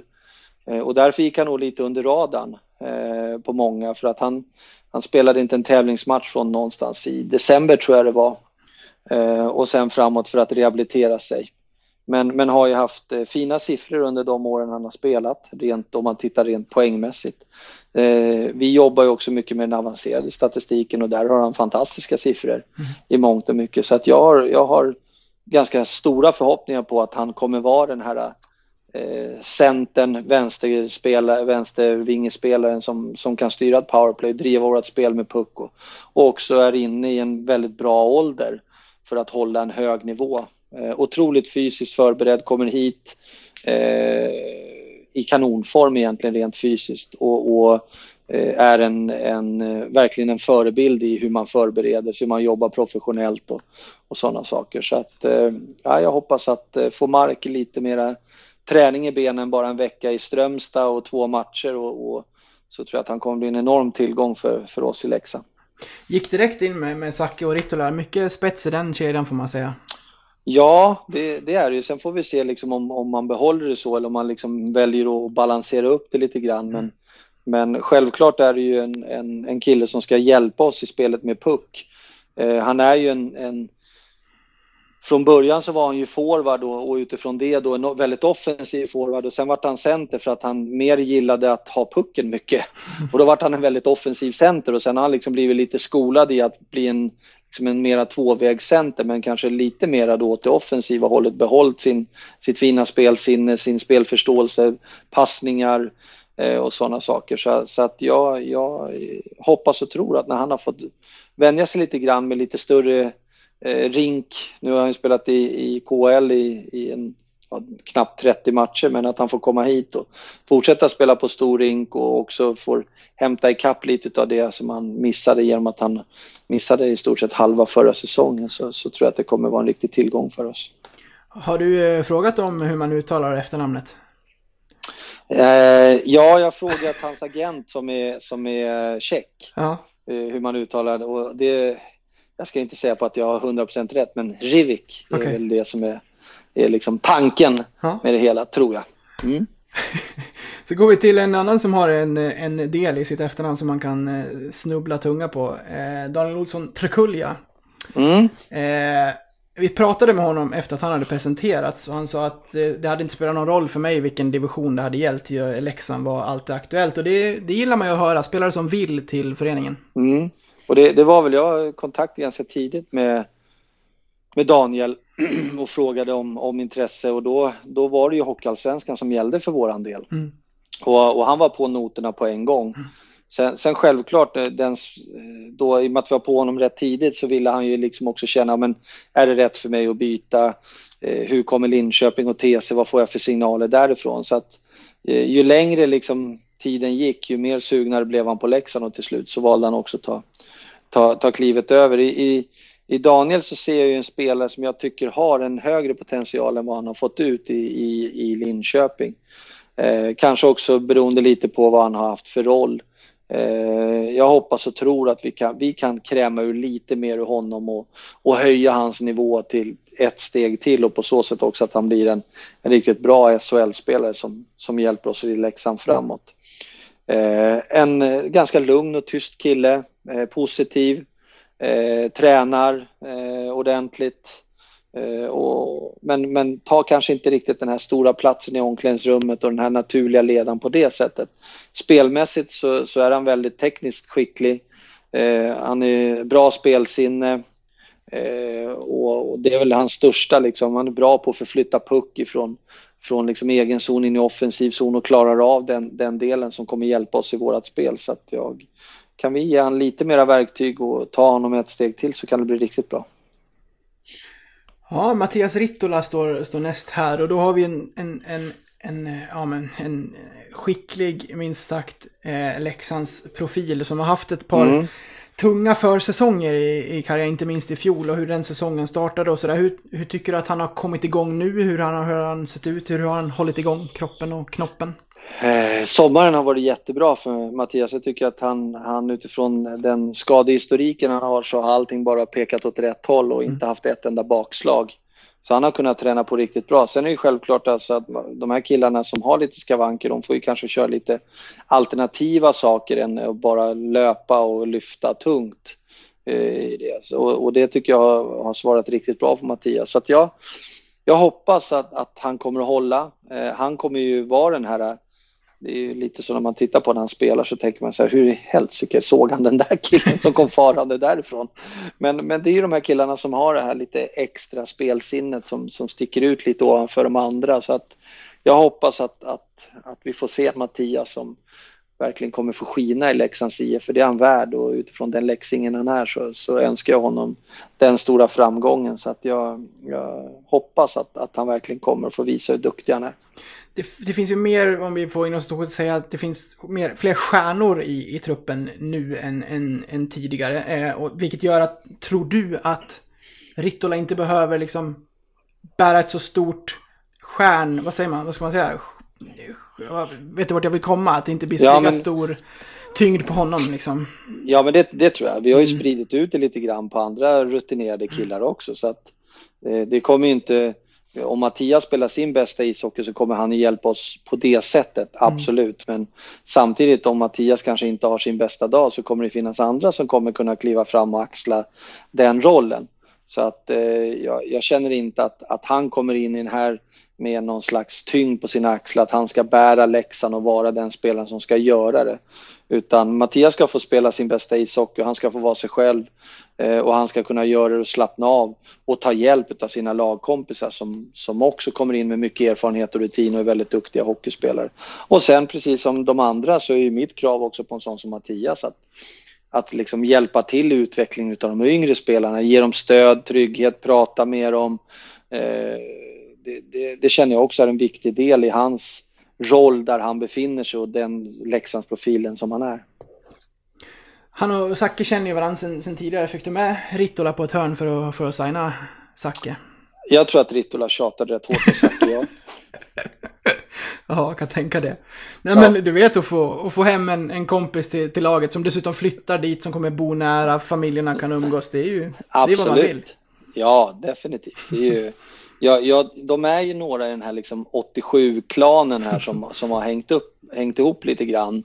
Där eh, även Hult är ju också en del i, i den delen. Zacke är en del och Ahnelöv är också en del. Så att det är väl klart att de har ju, de har ju stött på varandra och, och, och känner varandra eh, ganska ordentligt via ja, spel i samma lag eller spel i landslag tillsammans eller gå till samma skola eller någonting sånt där. Så att eh, jag, jag tror att det, det är ett litet kompisgäng som, som återsamlas och jag tror att de trivs jättebra med det. Min poddkollega Patrik bor nere i HV-trakten och när han får prata om Sebastian Wenström som vi ska prata lite om nu så är HV-supportrarna där nere på att Leksand kan ha funnit en guldklimp här som bara behöver lite större förtroende och få ta det. Vad, vad säger du om det? Ja, det hoppas jag också. Eh, jag har ju sett en, en stor potential i, i Sebbe. Eh, tidigare år när, när man liksom har följt honom både från Rögle och i, i HV. Men jag tycker inte riktigt, i Rögle hade han ju lite oflyt med skada men i HV fick han liksom aldrig riktigt det förtroendet som, som han kanske behöver för att, att kunna blomma ut av olika anledningar. Eh, och jag hoppas att vi kan ge honom det. Eh, Sebbe är ju en, en kille som om du pratar med honom och skulle fråga honom så här, vad, är, vad älskar du mest med ishockey? Så skulle han säga jag vill göra mål. Mm. Eh, och det är en fin egenskap. Alltså, det är inte många som uttalar så hårt att jag, jag vill göra mål, jag älskar att göra mål. Och det innebär att han skjuter ju på allt som kommer farande runt omkring oavsett om det är en spelare eller en klubba eller en puck som kommer. Och jag gillar den instinkten och vi behöver ha den instinkten också. Vi behöver ha en spelare som rör sig i rätt ytor, som vill skjuta, som, vill, som har potential att göra rätt mycket mål. Eh, och jag hoppas verkligen att, att Sebbe får den här säsongen också visa att han klarar av det och att han är den typen av spelare som jag hoppas och jag tror Leksands IF hoppas att han är. Eh, så att eh, otroligt spännande att följa honom. Ja, det är en spelare som faktiskt redan har en 250 matcher i SHL bakom sig. En 48 kassar och 42 assist om jag får läsa innantill Mm. här. Och det är, det är ju fina siffror.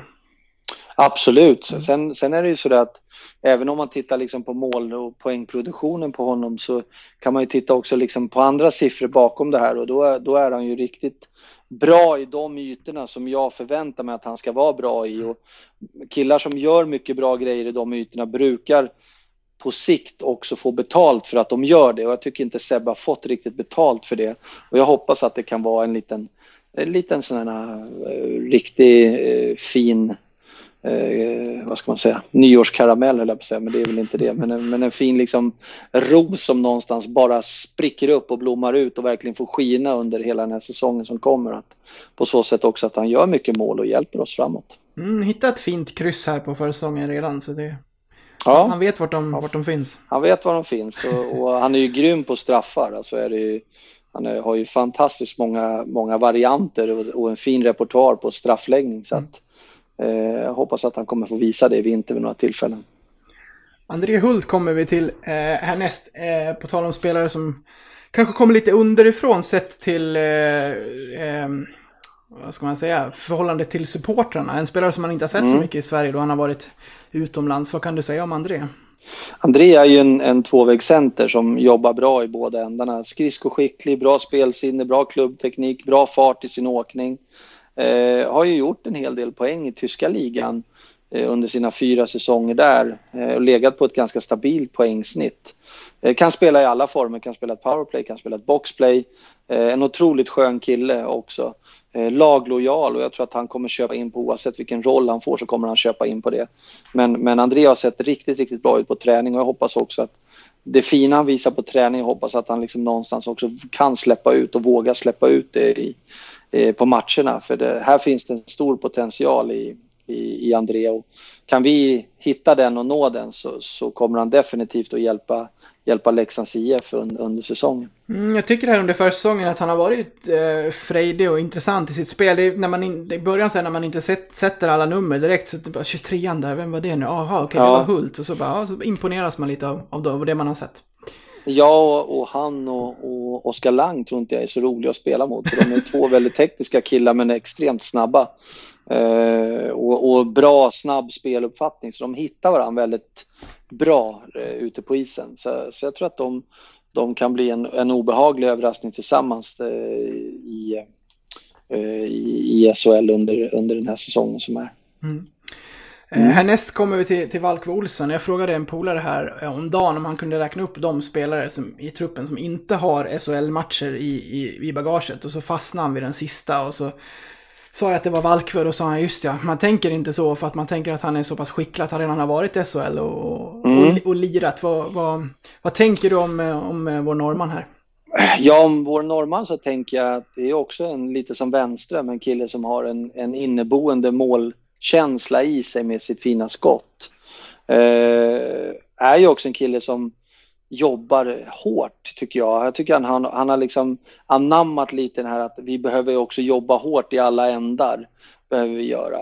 Eh, jag hoppas också att han jag vet ju Thomas drömmar och vad, vad, hans mål är och initialt så är det ju att etablera sig på en SHL-nivå och ta det steget uppåt i sin karriär. Och jag tror att VM som var i, jag tycker man har liksom sett en skillnad ifrån från den Valkevi Olsen som, som vi hade under vårkanten i, i Leksand till den Valkevi som åker iväg på ett VM och kommer tillbaks så kändes det som att han hade mognat in i det här och någonstans också fått en förståelse för att oj, det är det här som krävs, det är den här nivån jag behöver vara på. Mm. Eh, och har tränat jättebra under sommaren och kommer in. Så det, det, det ska bli intressant att se hur han liksom tar, tar sig an den här säsongen och om han vågar att fortsätta skjuta, vågar att ta sig in i de obekväma områdena. Då, då har han med sin storlek och tyngd eh, rätt mycket att, att hämta mot, mot eh, backarna och kan bli en rätt obehaglig överraskning också. Finns tempot där? Ja, jag tycker att det går framåt. Mm. Jag, jag, jag, tror ju att precis lite som du sa också med den här SHL-rutinen och nästa nivå så, så är det väl lite också där att, att vi behöver ge Thomas lite tid också till att få fart på, på grejerna. Eh, komma in i tempot och känna att han känner sig bekväm i tempot. Så att, så att eh, det kommer att komma, det är jag helt övertygad om. Men, men jag tycker att han har sina stora spetskvaliteter i hans skott och, och, det ska vi försöka i sådana fall få honom att hamna i så många situationer som möjligt där han faktiskt får, får skjuta och får göra mycket poäng och mål. Sen har vi eh, förra årets interna poängligavinnare Linus Persson. Jag skulle tro att det är du och han som pendlar mest inom, inom eh, laget va? ja, det, det, kan nog stämma. Linus brukar sitta och åka till, till sin gård i, utanför Karlstad lite titt, titt som tätt. Så det är väl han och jag som har några mil i bilen höll jag på att säga under, under en säsong. Men, men Linus är ju en, en kille med erfarenhet och rutin från SHL tidigare. Mm. Eh, vi vet vad vi kommer få ut av Linus den här säsongen och det är ju en hårt jobbande spelare som, som aldrig kommer ge upp och aldrig kommer vika en tum för att sätta lagets bästa i första rummet. En otroligt skön kille i, i omklädningsrummet. Det är mycket Sven-Ingvars musik i gymmet när han är inne eller i duschen och sådana här saker. Så att, så att äh, jag gillar Linus. Jag tycker han är en riktig, riktig sköning som, som vi har i vår grupp. Jag ser honom gärna avgöra i Karlstad. Ja, det, det brukar väl oftast vara så. Släkten brukar vara värst i de här sammanhangen. Så att, inte mig emot, inte mig emot. Sen den breda värmländskan är ju ett plus. Ja, det är den. Den är ju, den är ju för härlig när den tittar in i mittosikens kontor där och så säger han något, något, något käckt på den där. Eller när han står och sjunger i duschen, Sven-Ingvars eller någonting sånt där. Det, det, det, det, brukar vara en fröjd att lyssna på. på. På isen då, du säger att vi vet vad vi får men vem blir Linus på isen i, i den här säsongen? Ja, Linus är ju en, en, en, spelare som är center kanske i, i sin natur men också kan spela på kant. Och vi kommer ju få en kille som, som alltid kommer att jobba hårt för lagets framgång. Och, eh, och, och har Linus en, en så att säga fyra, fem växlar till att kasta in? Nej, det kanske han inte har, men jag är nöjd om han håller den nivån han håller och kanske höjer den lite, lite grann. Då, då kommer vi ha jättestor nytta av Linus i alla spelformer. Eh, och sen framförallt också med den erfarenheten och rutinen han har eh, ifrån SHL-spel eh, tidigare så tycker jag att eh, åldern, erfarenhet, rutin, ja, jag känner mig rätt trygg med Linus Persson. Patrik Zackrisson härnäst och det är ju mycket av en drömvärmning för många supportrar. Ställer du dig i det ledet också? Ja men det gör jag. Mm. Jag när, när vi satt och tittade på lagbygget och kom liksom till våran centersida så var ju Zacke den spelaren som vi verkligen ville ha mest utifrån det. Och det är inte bara för att han är en duktig hockeyspelare utan det är också för att han är en, en fantastisk pådrivare, ställer krav på sin omgivning, eh, står först i kön, alltid fram och pratar, alltid liksom försöker att och, och, och se till att spelarna hela tiden är på tårna. Eh, så att jag, jag, tycker också med den erfarenheten och rutinen han haft ifrån de olika klubbarna han har varit i och deras storhetstider och deras framgångssagor så kommer han ju in med en, med en, med en hög nivå in i våran trupp och som gör att folk blir så här, oj, är det så här det ska vara? Eh, och så försöker folk liksom att hänga på det. Och det är jätteviktigt att vi någonstans i Leksand sätter den här lite nya kulturen med ny nivå på vissa saker och, och sådana. Man har gjort mycket bra saker i Leksand men någonstans har, har man ju de senaste åren med tanke på pendling upp och ner kanske saknat spelare som driver mot den här tävlingsnivån som tillhör toppen i SHL eh, inom det gebitet att tävla och köra på varje träning. Och det är, är Sackes stora egenskap tycker jag. Sen är han ju en jätteduktig hockeyspelare som är väldigt bred. Han jobbar hårt åt båda hållen. Han har ett fantastiskt spelsinne men han kan även spela boxplay. Han täcker skott. Ja, men, äh, bra skott själv så att jag, jag tycker att han är väldigt komplett och eh, en viktig pusselbit för oss för att, att starta den här resan som, som vi någonstans har påbörjat. Mm. Innan han blev klar, klar och presenterad från dig och föreningen så kunde man via frugans sociala medier säga att det blir en flytt till Leksand. Får man en banning på sånt för att ni inte får lägga ut det själv? Eller hur, hur står du i det? Nej, alltså det är väl klart att vi, vi i Leksand när det kommer till den här digniteten av, spelare också känner att det är klart att vi vill kommunicera ut saker och ting först men ja, det liksom är inte heller Eh, jag, jag, lägger inte så stor vikt vid det och på det sättet. Sen är det självklart att vi tycker att det är roligt att vi får presentera spelaren först. Men eh, i det här fallet så, så eh, började flaggat och hinta om lite andra eh, från annat håll eh, lite tidigare så att vi, vi fick vara lite snabba där för jag var ju borta i USA när det, när det, här, när det här gjordes klart. Så att, eh, vi fick vara lite snabba där, jag och Brasa, för att försöka ändå få ut det så fort som möjligt. Leksingar i Tre Kronor har inte kryllat av under de här Eurohockey Tour-turneringarna och sådär. Kan det här vara säsongen när vi ser blåvita spelare i den gulblå tröjan också? Oj, det är, det är svårt att säga. Jag vet ju inte riktigt hur, hur eh, Garpenlöv och de tänker också utifrån hur de ska bygga sitt Tre Kronor. Men vill de ha lite erfarenhet och rutin på spelare så har ju vi absolut sådana killar som de kan titta på mm. och plocka med. Har vi några yngre spännande killar som kommer? Ja, det har vi också. Så att det kommer nog, eh, Garpenlöv kommer nog att titta en hel del på våra, våra matcher både på hemmaplan och bortaplan för att se lite grann vad, vad vi har för, för spelare och hur de utvecklas. Så att, eh, för, för, för killarnas skull och för föreningens skull så absolut hoppas jag att vi kommer att spela som representerar eh, vårt folkkäraste landslag, Tre Kronor. Då har vi bara ett par spelare kvar och nästa ut är David Rundqvist. En, en mm. spelare som...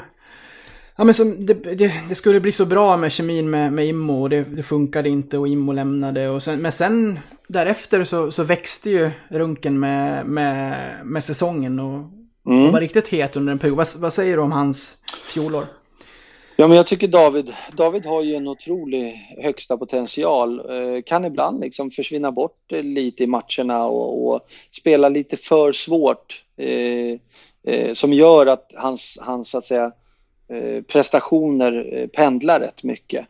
Och det är väl Davids stora utmaning framåt nu när vi tar klivet upp också i SHL, att han, att han blir lite jämnare i sitt spel, att han håller en högre nivå. Det behöver inte alltid vara en toppnivå, utan det är mer viktigt att han håller en hög nivå och är jämn och stabil över 52 omgångar.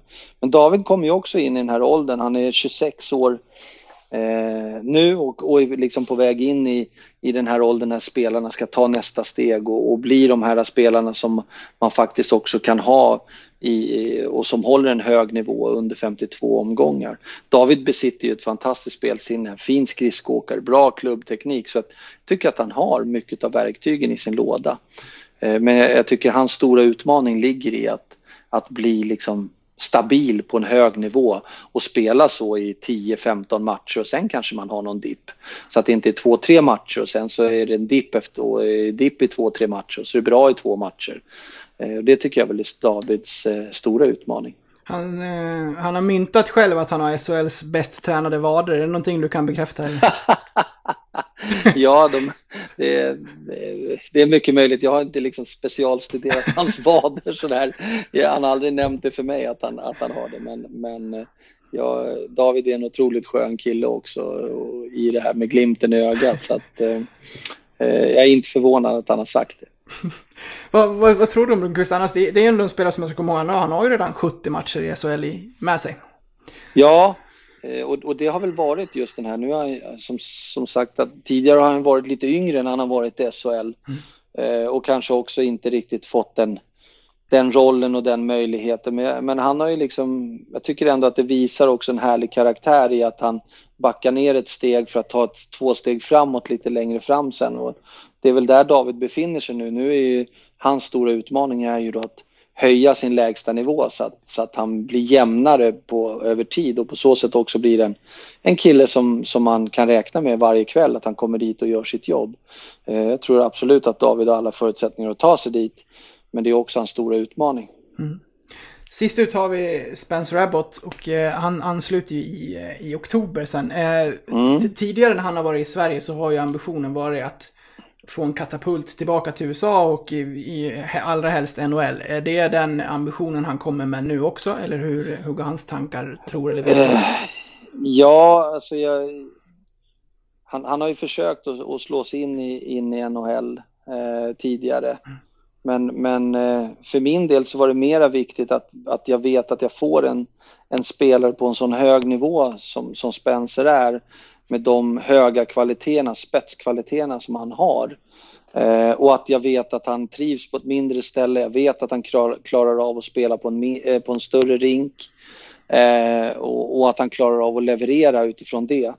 Så, så då, då, känner man sig rätt trygg med den värvningen, vi vet vad vi får. Vi vet också vi hade ju våra fina kompisar där i Mora, så även när det gällde Janne Juvonen, om vad det är för typ av människa. Så att, nej, men jag, jag, jag tycker att, Spencer är en, en toppspelare i SHL och att han kommer hjälpa oss i alla spelformer, framförallt kanske inte så mycket boxplay, men i fem mot fem och i powerplay med sitt fina spelsinne och sina fina passningar och sitt hot som han ändå är. Det, det är jag helt övertygad om. Så att, hoppas att han kommer hit i, i till Leksand och få, och få eh, leverera den toppishockeyn som, som man kan spela och, och hjälpa oss framåt och, och bidra mycket i poäng, poängkolumnen eh, mm. när det kommer till, till sitt eget spel. Finns det någon risk med att ta in en, en topp-toppspelare lite senare när serien har rullat igång eller är det inte samma sak när alla faktiskt vet att han ska komma och, och ansluta? Jag, jag, jag tror inte att det är det är inget större problem för, för vår grupp. Alla vet om att Spencer mm. kommer komma. Eh, och han är ingen vräkig nordamerikan som kommer in och helt plötsligt kommer ändra hela hierarkin. Utan jag tror att han kommer att smyga upp i ett hörn och hålla en väldigt låg profil och på så sätt ta, ta sig in i gruppen. Sen är det så där med de här killarna som är så här duktiga som Spencer att eh, ödmjuka killar, eh, de levererar oftast på hockeyplan direkt eh, och på så sätt också vinner de gruppens respekt ganska snabbt. Så att jag, jag tror inte att det, att det kommer vara några bekymmer överhuvudtaget. När du tittar på, på forwardsuppsättningen då, vad är din spontana känsla? Det ska gå, eh, det ska gå snabbt där ute känns det som. Ja, det är mycket skridskostarka killar. Mm. Eh, är det. Eh, bra tekniska killar, många med bra spelförståelse. Eh, och sen så har vi spetskvaliteter så att jag, jag, jag, jag, tycker att den här lite också som vi har på backsidan där vi har utvecklingspotential i ett antal killar som faktiskt kan bli riktigt, riktigt bra det finns samma tendenser på forwardsidan. Jag tänker på en sån som Lang till exempel, att, att han tar, tar sina kliv i sin, i sin utveckling. Eh, men sen samtidigt så har vi kryddat det då med, med lite spets redan från första början så att vi behöver inte tro att Lang kanske ska ha den utvecklingen och stå för det utan vi kan också addera en sån som Spencer Abbott som övertygad om kommer leverera eh, tillsammans med Zachrisson och Rivik och eh, Rittola och liksom, jag, jag, tycker att vi har... Och sen ska det bli spännande att se sådana som André Hult till exempel. Vad kan han göra? Mackan Karlberg, vad kan han göra? Hur kommer Valke att ta det här? Och sen, sen tror jag att vi vet rätt bra vad vi kommer att kunna förvänta oss av kapten Karlsson och Jon Knuts och Fredrik Forsberg och den typen av spelare. Så att, eh, nej, jag tycker att vi har en mix av stjärnstatus, eh, utvecklingspotential och sen har vi de här hårt jobbande liksom det är fel att uttrycka sig hockeyarbetare, men jag tror att alla förstår vad jag menar när det kommer med hjärta och varje dag vara där och alltid bidra med det hårda jobbet och, och så. De behöver man ha precis lika mycket som man behöver ha en Spencer Abbott. Mm, kaxig eh, nykomling som vill spela framåt, känns det som. Ja, alltså en ödmjuk kaxig nykomling om, om man liksom ska uttrycka sig. Vi, vi är fullt medvetna om att vi är nya i den här ligan, vi kommer ha en extremt tuff säsong och mm. utifrån det så kändes det lite som vi inledde själva det här med den här uppblåsta liksom, förväntan som någonstans ändå ligger där, att den ändå är balanserad för att det är ingen walk in the park att ta klivet uppifrån SHL eller från Hockeyallsvenskan in, in i SHL och tro att nej men vi värvar in ett antal spelare och så kommer allting bara flyta. Mm. Vi ska sätta ett sätt att spela, vi kommer att spela lite annorlunda mot vad vi gjort tidigare. Det är en anpassning för spelarna. Eh, jag tycker att vi har varit alldeles för naiva i vårt spel med puck under försäsongen. Vi hade precis samma problem i Djurgården när vi implementerade det här sättet att spela. Eh, men spelarna successivt lär sig, de gör, börjar göra bedömningar och, och, och, det är en resa och den kommer vara tuff för oss, framförallt när vi ställs i SHL med de högerkrokarna som man kan få där. Så att eh, ödmjukt eh, kaxig men, men se fram emot säsongen med stor tillförsikt. Men vi får inte blåsa upp den här förväntansbubblan allt för stor utan vi, vi, vi ska hålla den i balans och ska vi göra så gott vi kan. Du kommer sagt upp som, som nykomling och man kan säkert föra även Leksand säga att man ska spela sitt spel. Men kommer, hur, hur arbetar man med att kontra in olika tankar i det kontra till exempel Växjö borta mot Oskarshamn hemma? Att man har liksom en flera olika matchplaner att, att arbeta in. Ja, jag, jag tycker mig liksom, tittar man på SHL rent historiskt så har väl oftast det laget som, som har vågat hålla i sin, sin eh, spelidé både på hemmaplan och bortaplan vara de lagen som i slutändan skördar mest framgång. Tittar vi på Skellefteås era så fanns det liksom ingen skillnad på Skellefteås spel på bortaplan eller hemmaplan. Mm. Samma sak med Växjö när de var som bäst, de spelade lika bra på bortaplan som på hemmaplan. Sen är det självklart att man när du kommer bort så kommer du möta liksom ett lag som kommer ut som ska ta kommandot på sin hemmaplan. Att, att du är mentalt mera förberedd på att det blir en liten annan matchbild än vad du är van vid. Men ambitionen är att vi ska spela vårt eget spel. Så, så att eh, vi kommer nog försöka eh, ha så mycket vår egen profil på oss oavsett om vi spelar hemma eller borta. Eh, men det vi behöver jobba med nu är just den här liksom, känslan av att kan vi spela pucken i alla lägen eller vad kostar oss? Jag tycker tittar man mot Frölunda när vi var i Strömstad som kommer fram liksom en väldigt aggressiv press. Ja men då kan vi inte försöka spela oss ur alla situationer för det kommer att straffa oss till slut. Och det måste spela, det misstagen måste spelarna få göra, känna själva och utifrån det sen ska vi bli lite enklare i vårt spel. Men att grunden ska ligga i att vi, att vi vill spela pucken mycket, absolut. Men, men den resan till att att ta de stegen, att förstå att det är det här vi behöver göra, den kan ta ett litet tag. Det är därför jag menar den här förväntningsbubblan som ändå ligger och bubblar där ute. Att man, man får också vara lite liksom ödmjuk ifrån att vi är nya i ligan.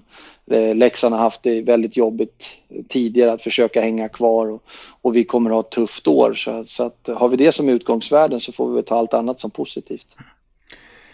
Du Thomas, vi har hållit på väldigt länge och klockan är mycket. Och mm. jag, jag, frågade ju eh, på våra sociala medier eh, efter frågor till dig. Det, vi skulle kunna hålla på i två timmar till bara med dem. Det har, det har aldrig kommit in så.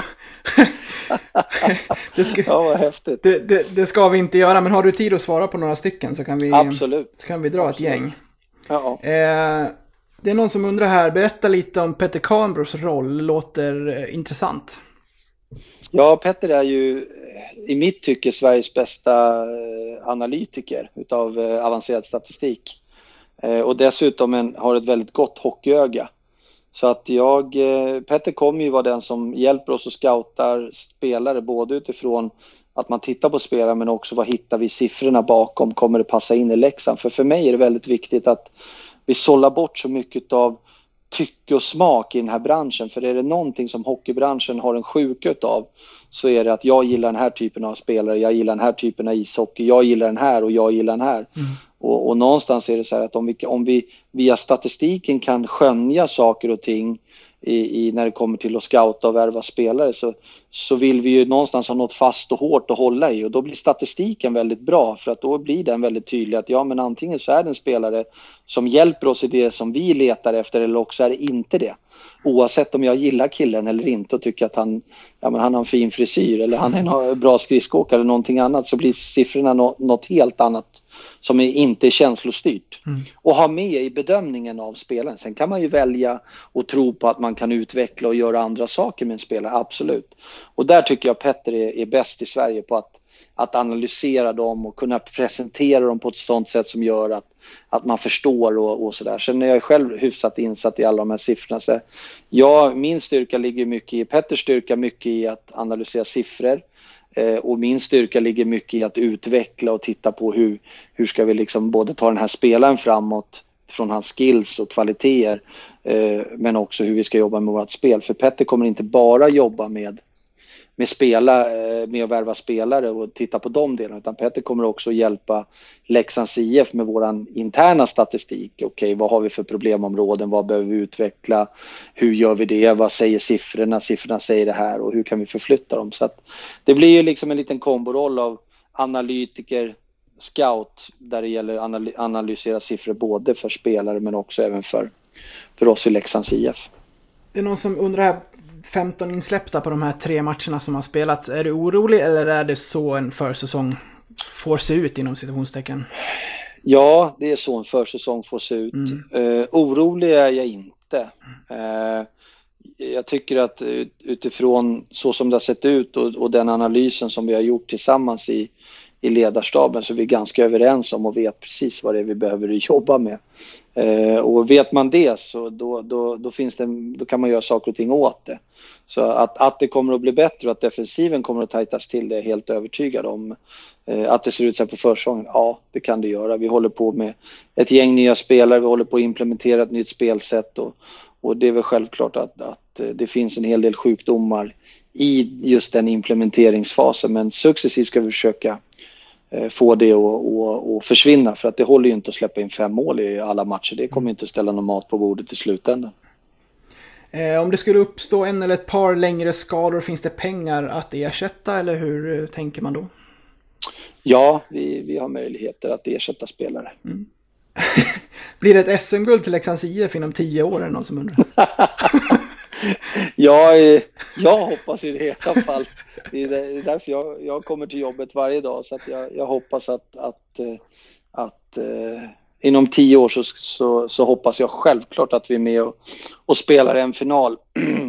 och självklart att vi ska vinna no, uh, en final. Så att uh, min förhoppning absolut är att vi ska ha ett SM-guld inom tio år. Eh, Elliot undrar, när skriver du livstidskontrakt med Leksand?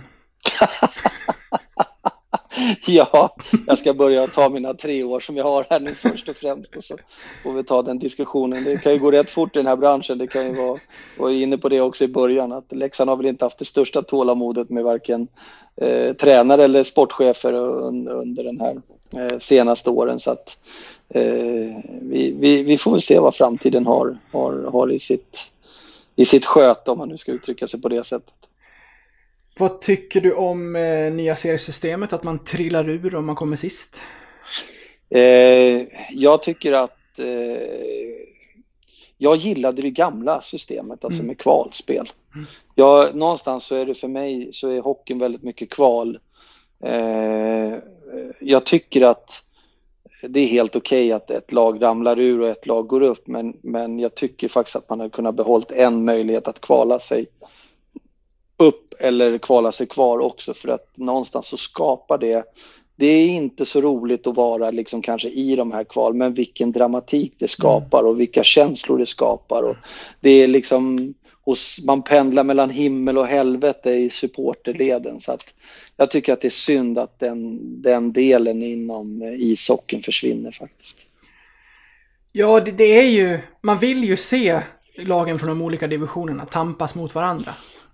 Ja, alltså, och, och, och, sen så blir det ju, det, det är ju oavsett vad så, så är det väl självklart att ett kval är ett kval. Det är mycket mer som står på spel än, än att ett lag på pappret är bättre än det andra laget eller kommer från en högre liga. Det, det är, liksom, är ju både vi och Oskarshamn kanske ett levande bevis på. Jag tror ju rent historiskt sett så har det väl varit ett lag i snitt som har gått upp och ett lag som har ramlat ur varje säsong de senaste 10 eller 15 åren. Sen kan man ju diskutera om man ska ha en kvalserie eller om man ska ha ett kvalsystem som man har idag. Men jag gillar ju när, när ligorna ställs mot varandra och det blir allting på sin spets. Mm. Jag, jag, jag, tycker det är en häftig liksom, idrottsupplevelse som du inte kan få någon annanstans känslomässigt. Eh, så att eh, jag tycker att det är synd. Albin undrar, om Leksand etablerar sig i SHL, skulle du vilja se dem ta del av CHL också? Jag tycker att det skulle vara spännande, mm. absolut. Jag, jag gillar CHL för jag tycker också som, som företeelse på försäsongen så är det otroligt bra tävlingsmatcher. Är det. Eh, men också tycker jag att COL har ju någonstans sakta men säkert börjat och blivit mer och mer intressant. Eh, så att på sikt så tror jag COL kommer vara, vara jätteintressant och tittar man ut i Europa så är det ju mera publik liksom i de tyska och schweiziska ligorna än så länge på CHL-matcher än vad det kanske är i Sverige. Men jag, jag, jag, jag, tycker att det är en spännande produkt som, som man har jobbat fram och, och självklart så tycker jag att också rent sportsligt och utvecklingsmässigt också för våra spelare i Leksand och föreningen Leksand att, att få vara med internationellt skulle absolut betyda jättemycket. Några, många undrar över Anton och Porsche. Ska vi ge lite reklam till Rosen? Att de får in och lyssna på Thomas Ros där istället så får de svar på. ja, vi kan väl bara, om man inte orkar det så är det väl, det var ju lite så att vi hade ju våra platser kvar eh, att fylla och, och, det var ju de här sex platserna till, till de spelarna som vi har fyllt med. Eh, och, och, och, där och då så hade jag faktiskt inga möjligheter att, att ge Porsche eh, ett förslag eller ge Anton ett förslag. Eh, utan jag, vi hade siktat in oss på den här andra kategorin med, med, eh, med Zacke och med Spencer och, och Rivik och, och, och de som, som dök upp. Så, så om folk tycker liksom att, att Porsche och, och, Anton är den typen av spelare då, då, då ser vi inte riktigt hockey på samma sätt. Så att det, det var väl lite så jag resonerade där och då. Sen Sen förstår jag också, jag gillar Anton som person, jag gillar Porsche som person. Och jag förstår liksom Leksandsanknytningen och i det här så, så förstår jag också en besvikelse hos dem. För jag tror självklart att de hoppades och trodde och ville vara med i, i Leksands IF SHL så att eh, jag förstår den besvikelsen också absolut. Men jag gillar de som spelar och kille och, och eh, det är väl inte helt omöjligt att, att om deras utvecklingsresor fortsätter åt det positiva hållet så, så får vi väl eh, se till att de kommer tillbaks till Leksand så småningom. Ja, Anton fyller ju år en gång om året som alla andra, men han blir aldrig äldre så han väl komma tillbaka om några år igen. ja, han, han har ju varit med så extremt länge på en hög nivå också. Ja. Och, och, i Antons fall så hade vi ju faktiskt en, ett samtal på gång om ett avtal men jag var tvungen att, att vänta med det framåt och sen hade jag en dialog med Antons agent utifrån det. Jag hade ingen dialog face to face med Anton.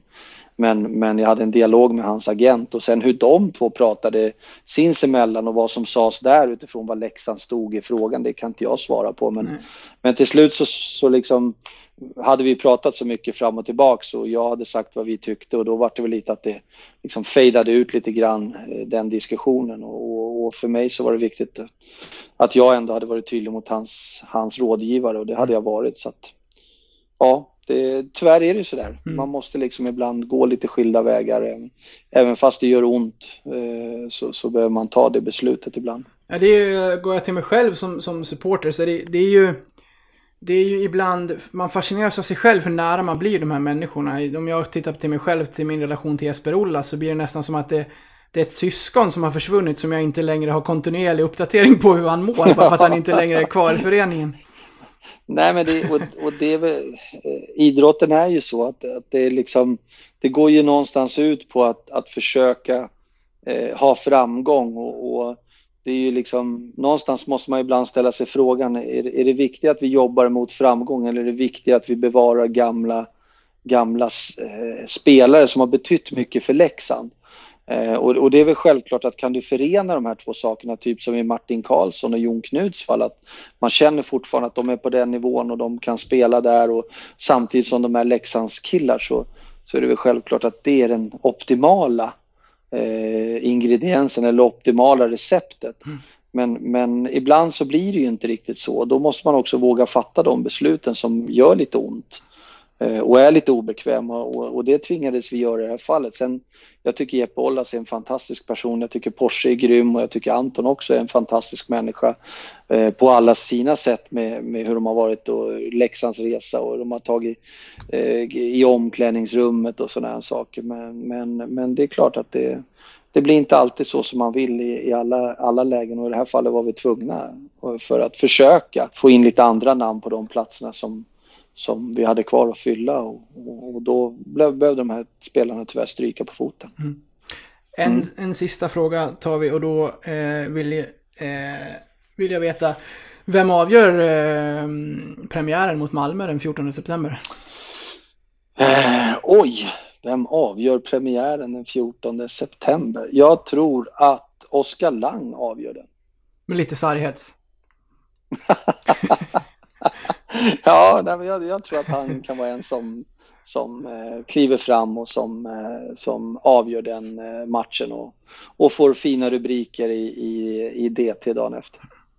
Fint. Du, vi ska väl säga det att klockan närmar sig 23. Det var ju tänken att vi skulle prata imorgon, men då kom vi på att det är match. Det funkar ju inte, Ja. så då fick vi klämma in dig ikväll Ja. sent här istället. Ehm, du har ju varit med en gång tidigare, Thomas, och du vet Mm. ju vad som gäller. Vi avslutar ju med musik, och förra gången du var med så, så rullade vi ut på Bob Marley. Vad vill du avsluta med den här gången? Eh, oj, vad vill jag avsluta med den här gången? Jag skulle vilja avsluta med, eh, eh, vad heter den då? Beautiful Day med YouTube. Bra. Då Ja. vill jag bara fråga, så hur tyckte du att det här var? En lång sittning. Ja, men det jag älskar att prata ishockey så det kändes som att det tog fem minuter ungefär. Ja, det gick fort faktiskt. Ja, det gjorde det. Jag tror att de som lyssnar hinner både till och hem från jobbet och kanske till mataffären också. Ja, man hinner nog ta en flygresa ner till Mallorca om man vill göra det. Ja, det är bra. Du, men eh, jag måste passa på att tacka dig också Thomas för att du alltid är tillgänglig och för att du ställer upp på sådana här saker. Och det, det betyder mycket både för, för mig och för de som lyssnar och säkerligen ja, men många läxingar att du är så pass öppen och tillgänglig som, som du är. Ja, tack så mycket. Jag- Jag försöker att informera om så mycket jag kan. Det är klart att det finns känsliga ämnen att prata om, men, men självklart så, så har väl både jag och Andreas känt att vi ska försöka vara så öpp- öppna och ärliga vi kan i- gentemot eh, alla som, som har ett hjärta för Leksand. Och, så att jag, jag tackar för att ni uppskattar det. Då rullar vi ut på ditt musikval här så tar vi nya krafter för nästa match imorgon här då. Ja, det gör vi. Ha det bra så hörs vi. Ja, det gör vi. Hej då. Hej!